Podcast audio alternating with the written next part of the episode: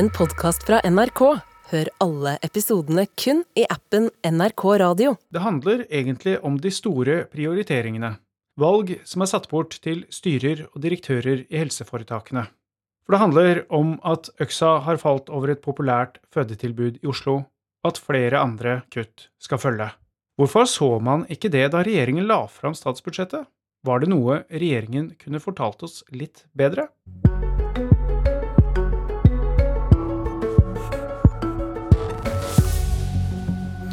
Var det prisvekstoptimisme fra regjeringen som gjør at sykehusene nå må kutte drastisk for å dekke inn økte kostnader? For da Stortinget vedtok statsbudsjettet, var forutsetningen en ganske lav prisvekst i år. Selv om både SSB og Norges Bank trodde noe annet. KrFs leder stiller spørsmålet om hun og de andre folkevalgte er blitt bitte litt lurt. Kuttøksa svinger i sykehusene over hele landet, nær sagt. I går kom beskjeden om at ABC-klinikken på Oslo universitetssykehus den skal legges ned, og er ett av disse kuttene. For ved OUS skal 3% av kostnadene bort, tilsvarende kanskje 500 ansatte.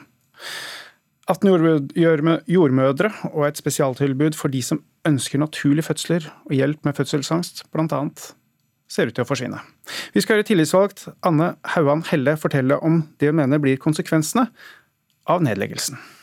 Det som eh, ABC kan tilby, eh, nettopp da med et eh, tilbud i både svangerskap, fødsel og barseltid, det er jo det som er det unike med ABC, det blir borte. Det bygges ikke opp med et kvarters forberedelse, det tar veldig mange år. Og de har brukt over 25 år på å bygge opp dette tilbudet. Og den kompetansen forsvinner ut av OUS nå. For ingen av de jordmødrene som jobber ved ABC i dag, har gitt uttrykk for at de ønsker å, å fortsette sitt arbeidsforhold med OUS. Cecilie Myrseth, nestleder i helse- og omsorgskomiteen fra Arbeiderpartiet. Du er med oss fra Tromsø. Uh, høres ut som kanskje et ikke-reverserbart kutt. Er det fornuftig? Jeg tenker at uh, De vurderingene som OUS nå gjør, de uh, skjønner at det uh, kan være krevende for de som står i det.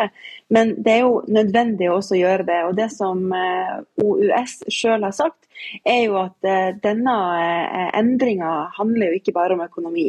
Det handler om en av de store utfordringene vi har i helsevesenet nå, som jo er mangel på helsepersonell. Og vi mangler jordmødre. Og i Oslo så har det vært 1100 færre fødsler. og da mener vel de at dette er eh, det minst, minste, minst sårbare kuttet for eh, fødekvinner i Oslo. Så tenker jeg at det er viktig å si også i den politiske debatten at alle som nå eh, går gravid og skal fødes, skal selvfølgelig få et forsvarlig og godt tilbud med ulike metoder osv. Som, som man har hatt i Oslo også tidligere.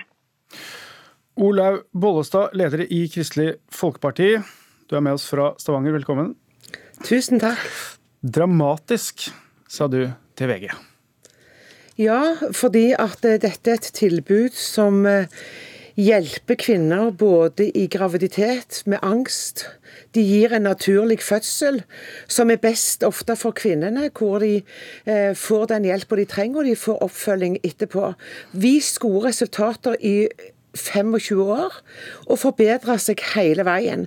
Det som er utfordringen her, det er som Cecilie sier, ja, de tjener faktisk lite på dette fordi det er naturlig fødsel. Så inntekten for sykehuset blir liten. Derfor så velger de å kutte, fordi da kan de få ned personalkostnadene.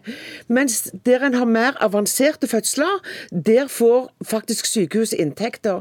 Så for meg handler dette om en nedprioritering av det som egentlig er best for kvinnen. Og det sier meg noe om at prioriteringene blir etter hva som lager kroner i kassen for helseforetakene. Og da prioriterer vi på helt feil grunnlag, fordi da prioriterer en etter pengene og ikke til hva pasienten trenger mest.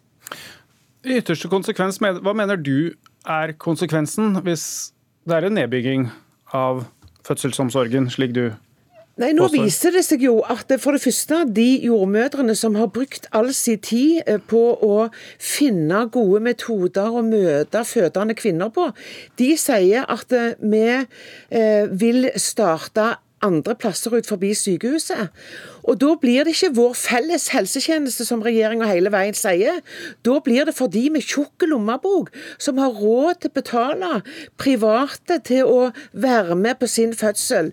Det mener jeg er en fallitterklæring for offentlig helsevesen. Vi må kunne ha prosedyrer og behandling som er litt mangfoldige. Alle må ikke inn i den samme firkanten under en fødsel. Det er poeng, og det ønsker jordmødrene, men, men de får ikke kapasiteten. Du støttet jo og var del av en regjering som ønsket velkommen private initiativ. Nå forsvinner ikke tilbudet. Man kan velge. Det er helt, Ja, men det er forskjell på private initiativ når staten faktisk velger å bruke det som en del av det offentlige helsevesenet. At en får plass, og det offentlige betaler. Dette er ikke sånn. Dette er det faktisk pasientene sjøl som skal betale. For det er nedgang i fødsler, som òg Cecilie og Arbeiderpartiet sier helt riktig, men det skal foregå i sykehus. Cecilie Myrseth, eh, du peker på en nedgang i fødsler. Men hvis man ønsker faktisk det motsatte, det er jo et problem, man ønsker flere fødsler, er ikke det et paradoks egentlig å svekke fødetilbudet? Jeg tenker at Vi må ha et uh, fødetilbud som er dimensjonert ut ifra uh, det behovet som man faktisk har, og de antall fødslene som er til enhver tid. Men jeg har behov for å nyansere liksom, debatten litt nå. for Når vi er enige om at vi mangler helsepersonell, vi mangler jordmødre, da er jo spørsmålet hvordan skal man prioritere best og riktig for å sikre at alle får et, eh, får et godt og forsvarlig helsetilbud, også som gravid og som fødende kvinne. Og Det som vi må også ha med oss i denne diskusjonen, er jo at når man nå bygger nye OUS, så bygger man også såkalte multirom, hvor man skal kunne ta inn denne, disse metodene inn i, eh, i barselsomsorgen og i fødeomsorgen til eh, alle kvinner som kommer inn, eh, inn på, eh, på US. Alle det man har gjort i Bergen, hvor man gikk fra en sånn type avdeling eh, til å ha integrert det i den hele tjenesten. Og så må vi også ha med oss at av de over 9000 fødslene i eh, Oslo, så er det vel en rundt eh, 3,5% av de igjen som eh, føder ved denne enheten. Så jeg tenker at når man skal gjøre prioriteringer, har knappe ressurser eh, når det kommer til fagfolk, så har jeg forståelse for at man må gjøre de eh, valgene. Eh, selv om jeg også har forståelse for at mange kvinner har vært fornøyd og er fornøyd med dette tilbudet. Så må man jo se hvordan man kan ivareta de, den metodikken inn i tilbudet som man fremdeles skal ha. Det er jo ikke som man legger ned fødeavdelinger nå. Det er en, en enhet, en del av et stort tilbud som gis. Og jeg syns jo at også Ole Bollestad må svare litt på hva skal man gjøre da? Hvordan skal man prioritere? Man har jo ikke, åpenbart ikke gjort nok heller på Olaug Bollestad sin vakt når det kommer til å rekruttere nok fagfolk, nok jordmødre, som dette også er et resultat av. Da skal det også få svare på om uh, ikke den prioriteringen faktisk måtte skjedd hvis du var med å sitte ved makten, Bollestad? Jo, det er helt riktig, og det kan godt være at ikke vi gjorde nok i regjering, men jeg blir litt matte av at en skal skylde enten på at eh, den forrige regjeringa ikke gjorde nok, foretakene må prioritere, kommunene må skjerpe seg, og folk i, eldre, i den eldre garde må forberede seg til alderdommen. Vi kan ikke skylde, og regjeringen kan ikke skylde på alle andre. Det er de som sitter med makta nå. Det er de som velger at en legger ned et fødetilbud. Som, som, det er de som velger å legge ned et fødetilbud, selv om det gjelder bare 3-4% så handler det om kvinner sitt liv. En tenker kun regningen her og nå, men veldig mange opplever at de aldri kommer over den fødselen. De går rundt med vett i nord. Seks av ti kvinner går stilt og rolig med komplikasjoner etter fødsel som de, skam, som de skammer seg over å snakke om. Så det å si at dette betyr lite, eh, det mener jeg er helt borti natta. Men, men her må jeg si, det her blir jo, nå, nå snakker vi jo liksom om alt mellom himmel eh, og jord. Eh, fordi det er dette som er konsekvensene. Nei, vi, enten så må vi forholde oss til den saken som er nå. Det er ingen som har skylda på andre, og det er heller ikke regjeringa som har lagt ned eh, denne eh, klinikken. Du sa nettopp at det er forrige regjering sin feil. Ja, men du sa det var forrige regjering sin feil. Dere må ta ansvar. Ja, det, og det gjør vi. Det gjør vi med å være ærlig på de økonomiske prioriteringene, at det er økonomisk tøft. Det er ingen som har sagt at den forrige regjeringa sier feil, men det må være mulig å si Olaug, at det var gjort for lite når det kommer til å rekruttere nødvendige fagfolk i løpet av de siste åtte årene, som også selvfølgelig er et resultat den dagen vi sitter her i dag. Men vi er ærlige på at det er tøffe tak nå pga. den høye lønns- og prisveksten også i sykehusene. Da må det gjøres viktige og nødvendige prioriteringer eh, for å sikre at alle skal få et godt og forsvarlig eh, helsetilbud. Men det er selvfølgelig tøft, og det, det er et ansvar som vi ikke springer fra. Og der sa du Myrseth, du begynte å snakke om prisveksten, og da kommer vi litt ned fra himmel og jord. For grunnlaget for at mange av disse kuttene kommer, er jo nettopp en prisvekst som er mye høyere enn det som ble lagt til grunn da de folkevalgte dere satt på Stortinget og vedtok dette budsjettet. Skal raskt høre helseminister Ingvild Kjerkol, som nå kom for en uke siden, og da for mange plutselig kom med en beskjed om at nå må det kuttes kraftig.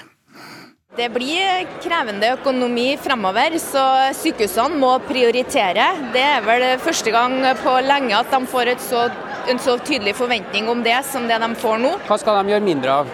Ja, Det skal de få lov til å finne ut sjøl, det ligger i oppdraget. Denne beskjeden, kunne den kanskje kommet ut før, Cecilie Myrseth? Fordi det som lå i budsjettforslaget og som ble vedtatt, det var et lavt prisanslag, til tross for at både SSB og Norges Bank etter hvert lå med høyere prisanslag.